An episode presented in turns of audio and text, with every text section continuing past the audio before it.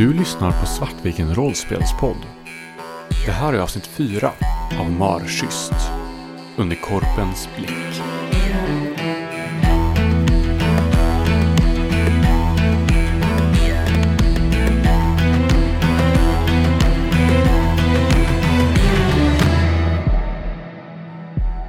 Annie, du vaknar i sängen fredagsmorgonen innan du ska åka på klassåterträffen. Du tittar på väckarklockan och ser att det är fortfarande en och en halv timme kvar innan larmet ska gå av.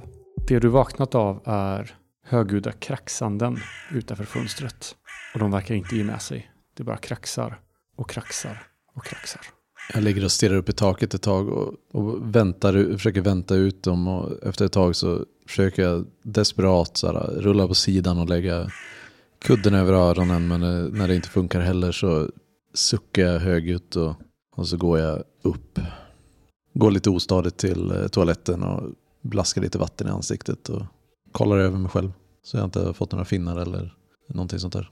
Det är tio år sedan du träffade din klass senast. Hur har den tiden varit för Annie sedan den här dagen då Yoshiko försvann? Den första tiden var ju ganska traumatisk på sitt sätt men alla försökte ju väldigt hårt, speciellt Annie, att eh, låtsas som att allting bara var som förut och kanske till och med att det var bättre. Och efter skolan när ja, mamma och pappas företag eh, åkte dit för den här muthärvan och jag fick beskedet att jag inte skulle få flytta till Chicago. Då gav jag slutligen med mig på Robins insisteringar på att eh, jag skulle flytta med honom till eh, Stockholm som vi alltid hade skämtat om att vi skulle göra. Så det var där vi hamnade och utåt sett så verkade allting bra där ett tag tills, eh, tills jag träffade Sebastian då. Och efter Handels eh, var klar så insisterade ju Sebastian på att vi skulle flytta tillbaka till Lysekil. Och där, eh, där har jag känt mig väldigt fast. Det har varit 6-7 år med att vara konstant uttråkad och otillfredsställd i allt. Det finns inga roliga människor i Lysekil. Det finns ingenting att göra på kvällarna. Det är nätt och jämnt att jag låtit bli att lära mig att sticka. Och under hela den tiden så har Sebastian verkat jättenöjd. Så jag, jag har också verkat jättenöjd. Men ni är inte ihop längre? Nej, det tog slut för en månad sedan nu. När jag stormade ut från lägenheten och berättade för honom exakt hur jag känt och hur jag hatade Lysekil och allt som den här fåniga lilla orten har gjort mig. Men du bor fortfarande kvar i Lysekil? Det är ju svårt att få nytt jobb och allt det där. Det har ju varit, eh, ja min jogg är ju den som har varit den fasta punkten i mitt liv efter Sebastian. Ja, efter att jag lämnade Sebastian. Och han, eh, ja men han hjälpte mig med lånelägenheten och så här. Och nu parallellt samtidigt som jag letar lägenhet i Stockholm så letar jag även efter, en, eh, efter ett jobb där. Kraxelerna fortsätter utanför fönstret. Trots att du har lämnat sovrummet så hör du dem där utifrån.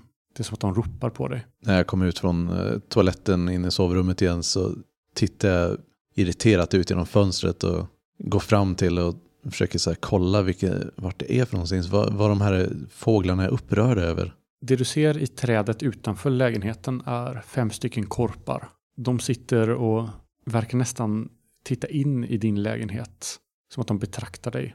En av korparna som sitter helt tyst.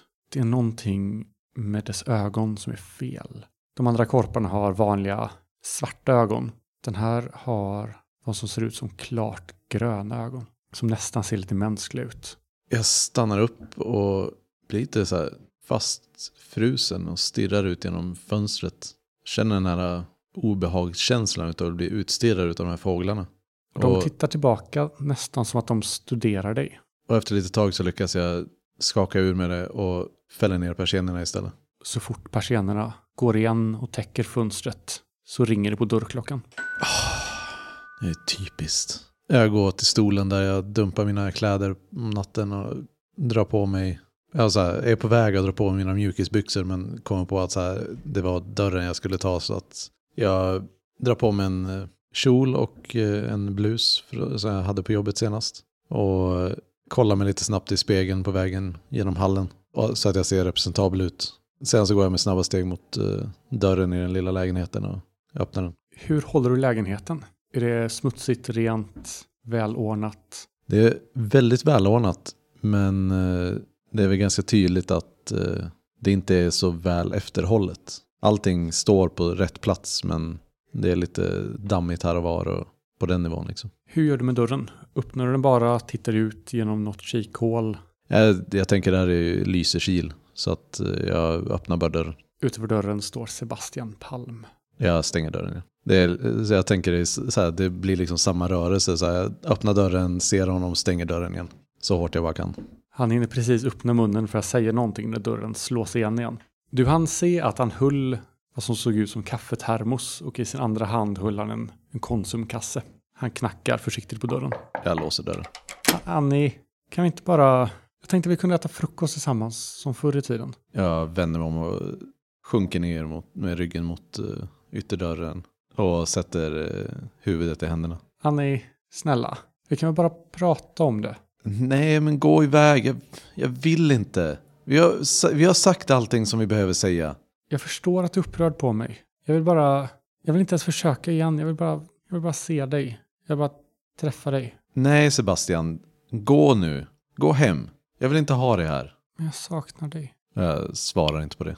En del av mig saknar ju honom också väldigt mycket. Det är ju han som har varit den trygga punkten i mitt liv, men det är också han som insisterade på att vi skulle flytta tillbaka till Lysekil. Det är han som årligen har dragit upp det här med att skaffa barn och att vi borde ta och att han övertalade mig om att vi skulle gifta oss och flytta närmare till eh, våra föräldrar och allting som, alla de här små sakerna som, jag, jag vet ju innerst inne att han, han gjorde, gjorde ju allting för att, vara, för att han brydde sig och var snäll. Men det är så tråkigt, det är så, så alldagligt och värdelöst. Hur är din relation till Sebastian nu så här en månad efter uppbrottet? Är ni fortfarande gifta rent tekniskt sett? Jag var ganska snabb med att faktiskt få, få igenom att eh, skicka in skilsmässpapper skilsmässopapper och sånt där. Jag hade gått och ruvat på det här i, ja men det var säkert ett halvår från det att jag hade kollat upp allting som behövdes för att vi skulle skilja oss och allt det där tills dess att den där äh, tacofredagen liksom blev droppen som bara rann över när han skulle bjuda in några tråkiga jäkla kollegor från, äh, från biblioteket där han jobbar på. Och det var bara för mycket. Utanför dörren så hör du hur termosen skruvas loss och eh, kaffe hälls upp. Annie, snälla, kom igen. Jag känner hur det kurrar i magen och är ju väldigt sugen på kaffe men det är... Du hör hur en kopp till hälls upp. Det prasslar i en påse. Om, om jag bara, jag kan jucka fram här ute, jag behöver inte ens komma in. Nej Sebastian, nu får du faktiskt... Nej, gå hem. Sluta med det här. Vi har, jag har redan sagt att jag har skickat in skilsmässopappren och allting. Det, det är klart, vi, vi, det är slut. Hur är Annie en person som anpassar sig, sig själv och förändrar sig själv mycket efter den hon är ihop med? Utåt sett, absolut. Hur anpassar hon sig för Sebastian? I stort sett genom att försöka uppfylla den här bilden av att vara den perfekta hemmafrun i, eller så här, arbetande hemmafrun framförallt. Och se till att huset varit prydligt och att eh, de alltid har haft eh, eh, mat på bordet. Och alla de här grejerna som, ja, som utåt sett betyder att relationen fungerar och mår väldigt bra. Gått på regelbundna dejter på Annis initiativ och de har eh, tillsammans eh, hjälpt till att ta hand om eh, Sebastians föräldrars hus och hund när de har åkt iväg och allting och, och gjort det med ett stort leende. Men senaste året så, så började ju Sebastian märka av en väldigt stor skillnad, skillnad i Annie. När det tog slut så blev det, var det ju en stor, det förvånade ju alla i deras vänskapskrets. Och de har ju jättemånga gemensamma vänner, men Annie hatar dem ju allihopa. Har Annie några vänner nu kvar? Nej, förutom eh, sin Joggi då. I alla fall från hennes perspektiv. Det finns fortfarande vänner från människor från deras beka gemensamma bekantskapskrets som nog eh, skulle säga sig vara vänner med Annie. Men för Annis perspektiv så är det, så är det ingenting som är värt någonting. Från sovrummet så hör du hur väckarklockan går igång och du kan höra hur morgonnyheterna startar. I morgonstudion så gästar Matte och Tobbe komikerduon som håller på att slå sig fram genom Sverige. De är som alltid beklämmande dåliga. Men det, det är klasskamrater som, som då syns där ute som har lyckats med Någonting som de hoppades ta sig fram igenom. Jag ställer mig plötsligt och intensivt upp och stormar in i, i sovrummet. Sliter tag i väckarklockan och öppnar fönstret du möts av kräksanden där ute. och slungar väckarklockan så hårt jag bara kan mot eh, fåglarna. Jag missar ju fullkomligt men den, eh, den gör ett eh, behagligt eh, kraschande ljud när den landar på asfalten nedanför. Alla korpar utom en flyger iväg. Det är bara den här grönugda korpen som sitter kvar och betraktar dig. Som att den dömer dig. I min ilska så står jag kvar där och håller ögonkontakten med den. Och den låser din blick väldigt tydligt att den, den tittar på dig, betraktar dig, studerar dig. Sen kraxar den till en gång och flyger därifrån. Jag står kvar några andetag till och nu har den här il plötsliga ilskan har helt gått ur mig. Och jag går tillbaka till ytterdörren, öppnar den och tittar om Sebastian står kvar där ute. Han står i, i trappuppgången på väg därifrån. Kvar utanför dörren så står en liten plastmugg med kaffe tillsammans med lite fikabröd och en smörad macka med de påläggen som du alltid vill ha. Han verkar vara på väg därifrån men har ändå dukat fram åt dig. Han vänder sig om när du öppnar. Jag tittar på honom med en blick som verkligen, verkligen säger hur, att jag tycker så synd om honom. Att han är en sån ynklig och klen person. Att han tycker om det här livet. Sen så tar jag, böjer mig ner och tar upp kaffekoppen och den här frallan och stänger dörren med, med höften. Det sista du ser i hans blick är ett, ett svagt hopp för en sekund som sen falnar och dör. Vad har du för dig under dagen? På eftermiddagen så kommer du ju, har du ju ditt traditionella besök hos din pappa inplanerat. Har du någonting att göra innan dess du tänker på? Jag börjar bara med mina vanliga rutiner att såhär, duschar och raka mig och ta på deo och snygga prydliga kläder. Och sedan så är det lite som att när jag väl har gjort allt det då inser jag att nej men jag ska ju faktiskt inte till jobbet. Jag har faktiskt ingenting planerat. Så jag tittar över packningen som jag har gjort under veckan eh, inför helgen och inser att nej, allting som jag hade tänkt att ta med är nerpackat. Vad fruktar du mest inför den här återträffen? Att jag ska vara så betydelselös som jag har känt mig de senaste, senaste sex åren. Att det är, ja men att alla ska vara lyckade eller på väg att lyckas som, eh, som eh, Matte och Tobbe. Jag hatar ju Matte och Tobbe men det är så här, de har ju åtminstone gjort någonting. Och jag har gått omkring i den jävla hålan och inte åstadkommit någonting. Och att fortsätta vara den personen är det absolut värsta som skulle kunna hända. Speciellt kanske när de andra klasskamraterna väl hade rätt höga förhoppningar om dig. Eller de trodde att du skulle gå långt. Du skulle till USA och plugga liksom. Och Ja, ja, du självklart. hade ju din väg utstakad. Ja, de få som visste om att jag, att jag hade de här äh, planerna för att flytta till Chicago, de, äh, de äh, visste ju att jag, det skulle bli något stort av mig. Du var en av dem med ambitioner, med en vision för ditt liv. Absolut. Du hade ju det här, du hade ju livet liksom i ett, i ett grepp. Och här sitter du nu, tio år senare, i Lysekil, Mm. ekonom på ett mindre företag vars namn inte ens är värt att nämnas. Nej, det, de hade varit helt betydelselösa om det inte var för att det betalar, betalar min hyra och mat. Och jag ser, det kommer bli så fantastiskt när jag flyttar ifrån och kan börja uppfylla alla de här drömmarna som jag har försakat för, bara, för ingenting. För en relation med en person som skulle nöja sig om han bodde i en tändsticksask med, med ett frimärke som, som täcke. Och det är en kall och kanske en skrämmande känsla som slår dig när du inser att det här är samma planer som du hade för tio år sedan. Att snart börjar ett liv. Snart ska du sätta planer i verket. Du står inför samma grej igen, flyttar till Stockholm. När, första gången jag flyttade till Stockholm så det var ju som eh, en reaktion på neder, nederlaget inneb- innebar att eh, bli av med det här hoppet om att mina föräldrar skulle kunna betala eh, stipendiet för att plugga i Chicago. Men nu vet jag ju att så här, nu ska jag flytta till Stockholm för att det är första steget på resten av min resa. Resten av min resa uppåt. Din mobil vibrerar. Det är ett sms från din pappa. Jag tittar på det. Kommer du idag? Står det. jag så här, få en lite minnesblick från den här ilskan jag kände i, på morgonen när eh, Sebastian var utanför dörren. Och är nästan på, vä- på tippen på väg att kasta mobilen in i väggen. Men hejdar mig i sista sekund och svarar ja, jag kommer om en timme. Du får inget svar. Det hade jag inte förväntat mig heller. Han är ju sån. En timme går och du tar dig emot din, din gamla far. Hur långt bort bor han? Tar du bil, går du, cyklar, kollektivtrafik? Ja, det tar ju en halvtimme att åka buss dit. 10-15 minuter att cykla så att jag brukar oftast gå. Det tar ungefär en halvtimme, 35 minuter. Bor han en bit utanför stan då eller? Ja, en bit utanför på andra sidan.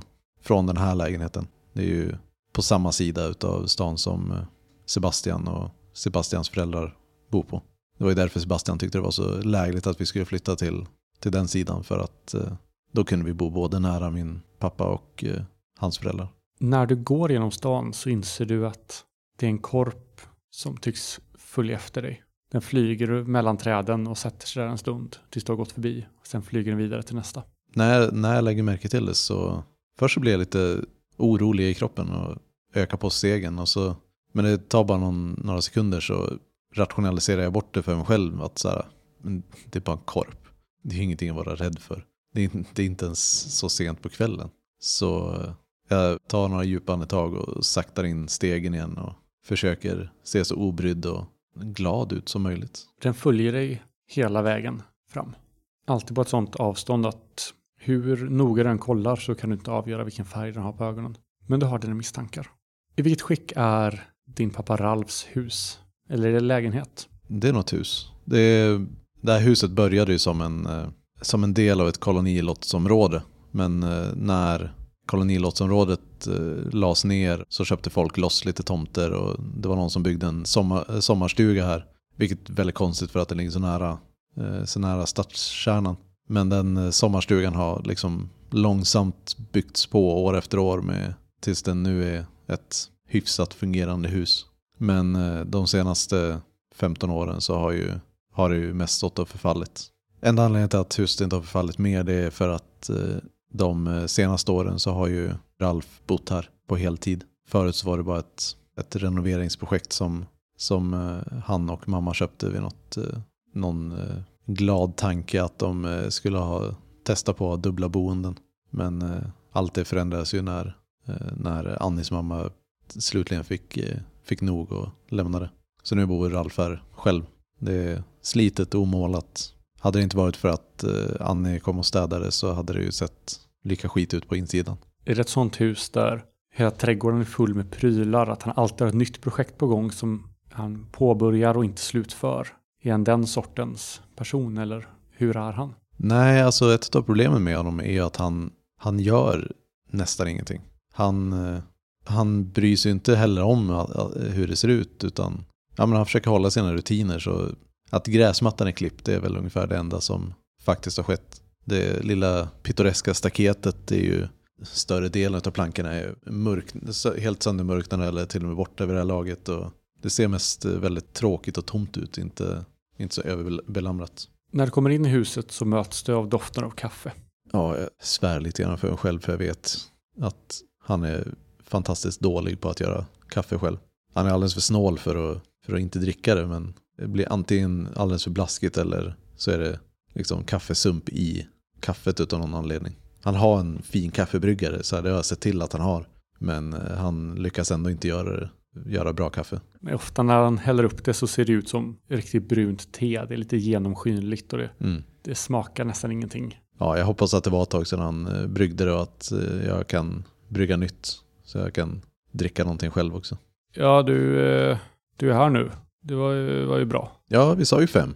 Ja, ja det är ju för jävligt här att du ska du tar det här på fredag. Du vet ju hur, hur viktigt det är med, med mina rutiner. Att, att det görs rätt. Att det, ja, det känns inte bra det här vet du. Du måste ju förstå att jag också måste få leva. Vi har pratat om det här. Det här är, du vet att det här är väldigt viktigt för mig. Och så att jag har sagt att jag måste, måste stå på mig mer och göra saker som är viktigt för mig. Att det, det är någonting jag får kräva. Sadja. Ja, Ja, om du, om du säger det så. Men jag förstår inte vad du ska till klassåterträffen och göra. Det är väl ingen där som, som riktigt, riktigt bryr sig om dig. Hela min hållning och, och ansikte mulnar till och jag vänder mig om och börjar på torka av diskbänken och plocka undan eh, kaffe, kaffebryggaren och så här. Och bara återställa den för att kunna brygga eget kaffe. Han sitter i sin gamla fåtölj där han alltid sitter, iklädd mjukisbyxor och en sliten och smutsig t-shirt. I ena näven så håller han en kaffekopp som mycket riktigt har det här blaskiga, äckliga kaffet som han alltid dricker. Hur ser han ut i övrigt, din pappa? Det är ganska tydligt att han har varit en, eh, en stilig, stilig man. Ja, vissa skulle säkert fortfarande tycka att han ser bra ut, om än lite... Ja, men han ser lite så här plufsig ut på det sättet som inte nödvändigtvis betyder att han är, att han är tjock eller överviktig, utan att han är liksom lite så här uppsvälld. Ja, på ett ohälsosamt sätt. Han är blek. Han har en eh, krans av ganska tunt grått hår. Sina så här halvmåneformade läsglasögon. Och klär sig nästan alltid i en eh, väst och skjorta även till sina mjukisbyxor. Vilket så här, ger ett ganska komiskt intryck då, om man är redo att skratta åt honom. Men eh, Annie är ganska hårt tränad för det här med att inte skratta åt sin far. Den där eh, lasagnen du gjorde förra veckan, den var inget bra. Den vill jag inte ha igen. Den är jättehälsosam för dig. Ja, men Du, jag, vill, ät, du äter ju ingenting. jag, jag vill inte ha den, säger jag. Nej, men då får du väl laga din egen mat då. Du, jag har lagt både tid och, och pengar på dig och din uppväxt. Det här är det minsta du kan göra, är att ta hand om din gamla far. Jag är precis på väg att så slå ner mugg i diskbänken men lyckas sakta ner rörelsen precis i sista sekund och bara så ställer ner koppen och... Ja, men det är därför jag är här och hjälper dig nu. Du, Ja, Du vet att du- du vet att du inte kan kräva allting av mig. Ja, du är en vuxen människa du också. Ja, men någonting borde jag väl kunna kräva av dig att du se efter din stackars far. Allting jag har gjort för dig. Lämna mig här ensam på, på helgen. Sätter mig säkert bara hem också snart. Uh, sätt de där blickarna du ger mig. Han börjar flacka med blicken. Jag tittar ganska distinkt bort från honom och svarar bara inte på den anklagelsen. In, ingen lasagne. Hör du, hör du det? Jag vill inte ha någon jävla lasagne. Men vad ska jag göra utav, de, utav matlådan som står i kylen då? Jag vet inte. Ta, ta med dem hem och ät dem du eller Ja, men då får du väl svälta i helgen då. Om det är det du vill. Eller tänker du ställa och laga mat? Du vet att det inte att det, det var Margareta som lagade mat. Jag kan inte. Ja, låt gå då. Men i fortsättningen, så ingen jävla lasagne. Du kan ta ketchup på den. Det äter du åtminstone. Han svarar inte ens. Jag har köpt så sockerfri ketchup till honom. Vilket han inte heller är nöjd med. Men eftersom jag vägrar köpa någon annan ketchup till honom så... Den smakar ju inte annorlunda. Men för honom smakar den annorlunda. Oh yes. Ja, jag skulle fått en son. Det är när jag så börjar plocka fram städgrejerna så det märks att han är irriterad. Jag dunkar lite extra i allting och eh, rasslar i städhinken och dammsugaren slår i lister och allt sånt där. Men efter jag satt igång kaffebryggaren så börjar jag städa.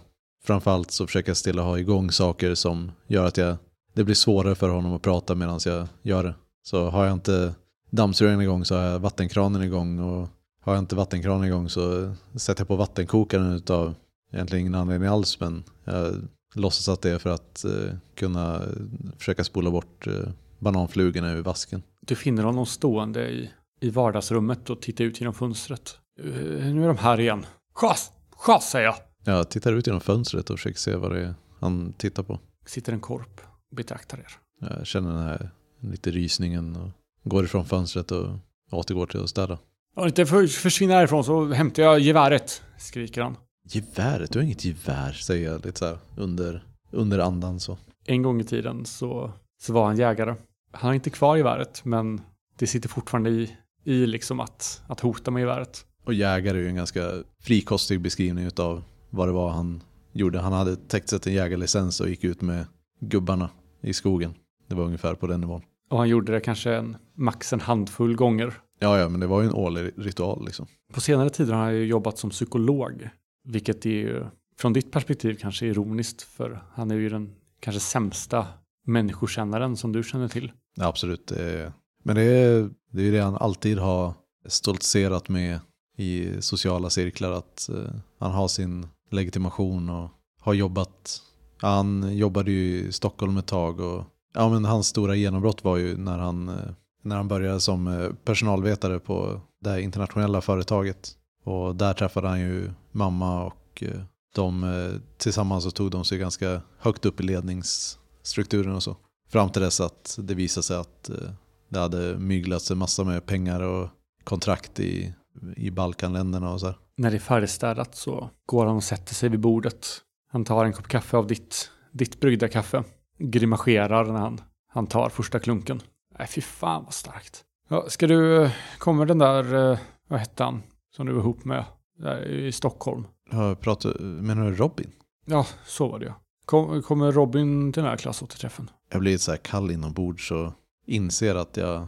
Det är inte det att jag inte, att jag inte vetat eller tänkt på det, men det är en tanke som jag alltid har eh, viftat bort eller förklarat bort varje gång den har kommit upp. Ja, men jag har verkligen låtit bli att tänka på att Robin kanske kommer dyka upp. Så jag mumlar någonting i svar att ja, jo, an, antagligen. Ja, det lär han väl göra. Och den där andra pojken som alltid hängde efter, vad var det han hette? Ja, vem pratar du om? Li- Liam? Nej, vad var det han hette? Han gick i din klass, en eh, finnig liten typ. Ja, du menar Elias? Ja, ja precis. Ja, ingen aning. Jag vet inte alls vad som hände med honom. Men du har hört de här uh, Matte och Tobbe? De är, de är väl bra?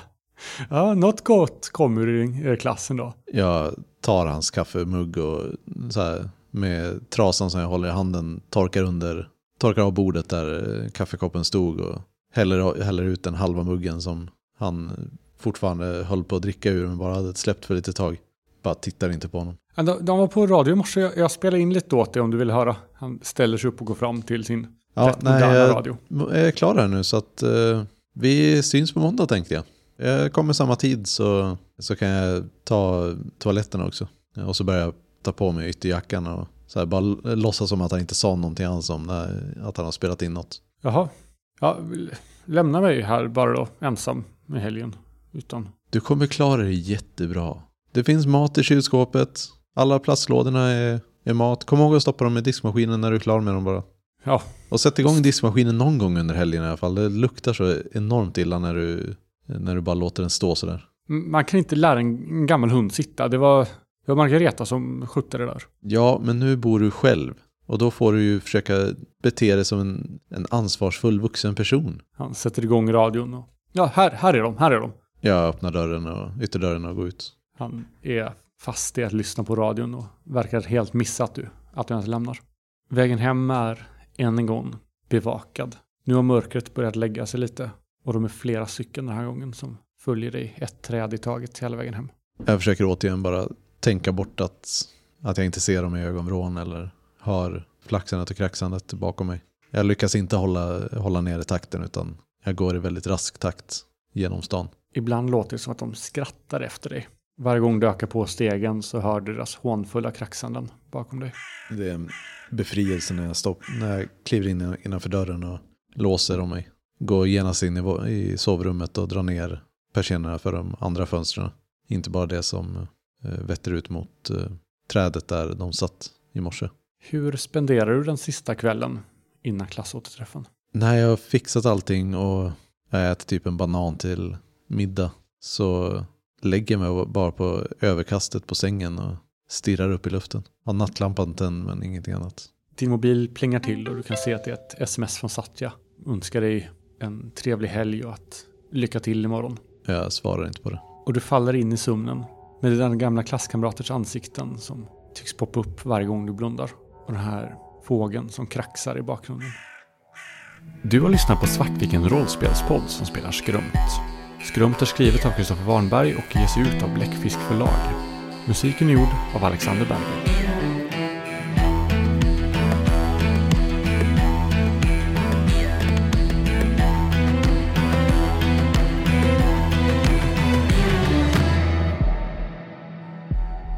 Då ska vi köra självreflektionen med Annie. Och det innebär att du får reflektera lite över din rollperson och vad hon har varit med om under spelmötet. Och det finns tre stycken saker du kan reflektera kring. Det är Annis agerande, hennes relationer till andra, roll, eh, till andra eh, karaktärer eller eh, spelade personer och hennes identitet. Och det innebär helt enkelt att du bara pratar lite om, om en eller två punkterna och så här. Om du väljer agerande till exempel. Hur har någonting hon har varit med om påverkat hur hon kommer agera i fortsättningen? Eller om du väljer relationer har någonting hänt som förändrat Annis relation till någon. Identiteten har mest med rädslan och lugnen att göra. Har de påverkat dig på något sätt hur du har agerat och har, du, har någon av dem förändrats lite? Och du kan få upp till två erfarenhetspoäng här även om du kan välja att reflektera kring fler saker. Jag skulle säga att ingenting som hände i det här under den här sessionen har förändrat några förutsättningar för vad Annie är i de avseenden. Eller så här, det har förändrats i avseende att min idé som spelare när jag gick in i det blev annorlunda än vad det blev i spel. Men inte, inte så att någonting som hände i spel förändrade varken relation, identitet eller, eller agerande. Nej, det är svårt just ett sånt här spelmöte där man bara etablerar på något vis. Mm. För då finns det ju inte riktigt någonting som förändras. Är det någonting du vill reflektera över som du har lärt dig om Annie utifrån någon av de här kategorierna? För det är också en slags reflekterande att du som spelare har lärt dig någonting om hur din rollperson agerar, tänker och är. Ja, alltså relationsmässigt så är det ju, tycker jag det var intressant just sådär, hur hennes relation till de här tre männen i hennes liv har, eller ges uttryck. Att eh, hennes idé om Sebastian, det kretsar verkligen kring den här, eh, att hon ser ner på honom. Att, han, att hon ser ner på honom för att han nöjer sig med det här och inte bara nöjer sig utan att han kanske dessutom aktivt vill vara det här. Men det är, det är nog någonting som hon har lite svårt att helt förstå. Att så här, Lysekil är någonting man nöjer sig med. Det är inte någonting man ser en syfte med i sig själv. Liksom. Han verkar ju vara en person som det han eftersträvar är total stabilitet. Det finns ingen, ingen längtan efter förändring eller utmaning utan så länge allting bara är stabilt och tryggt så verkar han vara nöjd. Ja, allting, alltså så, jag, så som jag uppfattar honom så är, är ju att allting ska ju bara följa den här normalkurvan. Alltså det ska bara gå lite lätt uppför med, alltså gifter sig och skaffa hus och skaffa barn och blir farmor, föräldrar och allt sånt där. Och det, det är det som är själva poängen med livet för honom. Och det är ju det som eh, Annie har försökt att, eh, att efterleva, eller så här, efterlikna under de här åren. Relationen till eh, Ralf blev ju mer konfrontativ än vad jag trodde det skulle vara från början. Men eh, jag tycker det känns, ja, det känns mer givet att eh, Annie i dagsläget har inga större problem att säga ifrån och lite så här kritisera Ralf. Men eh, däremot så skulle, skulle Ralf säga ifrån på skarpen så, så har ju inte Annie någonting att, att sätta emot på den fronten alls. Det kanske inte heller brukar vara så konfrontativt som det var det här mötet. Men nu, du sabbar ju hans rutiner på något vis. Och det kanske la en grund för konflikt redan från början liksom. Ja, men eh, det är ju ändå så här, Annie har ju kommit till en punkt i sitt liv att hon eh, faktiskt kan säga till någon att ja, nu, jag vet att det jag gör nu sabbar dina rutiner, men det är, eh, det är någonting jag måste göra för mig själv. Och det har inte hon kunnat göra tidigare egentligen. Och relationen till Satya är ju mera, ja men den, eh, jag uppfattar den som väldigt, eh, även om den betyder väldigt mycket för Anis så är den eh, det är nog han som är mer pådrivande när det kommer till, kommer till den relationen. Och varför det är, det, det tänker jag kommer att visa sig med tid. Om han nu blir mer relevant i äventyret, det vet jag inte. Då kan du ta ett, ett erfarenhetspoäng. Du får ju, även fast du reflekterar om flera personer inom samma kategori, så är det kategorin som ger ett erfarenhetspoäng. Liksom. Det andra anmärkningsvärda som jag tänker på, det är väl agerande. Just sådär, att Annie är i stresssituationen som känns läskig ändå försöker hålla ett väldigt tydligt lugn och ja, men låtsas som att eh, hon har kontroll. Det tänker jag är en ganska... Viktig lärdom. Ja. Och det verkar ju nästan som att även om ingen såg henne när hon promenerade där så fick jag lite känslan av att hon höll sig samman för syns skull. Absolut. Mer än för sin egen skull liksom. Ja, det är, det är väl lite den här dubbelheten i det. Att det ges ju uttryck som att det är för alla andra men det har ju även en, ett syfte för att hon ska hålla samman för sig själv också. Men eh, hade det bara varit för sig själv så hade det varit så hade det kunnat ges ut, uttryck på andra sätt. Men eh, hon är ju verkligen fast i den här bilden av att det enda någon är är vad andra uppfattar den som.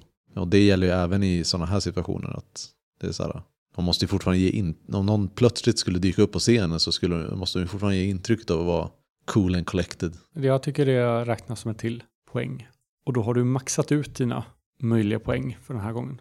Det var relation, identitet och agerande. Ja. Precis. Och identitet har jag ingenting att reflektera över. Nej, och det, du halkar ju lite in på identiteten här också tycker jag. Just det här Ja, med att, Så det var lite både och där. Då så, då tackar jag för att ni lyssnade och för att du spelade. Tack så mycket.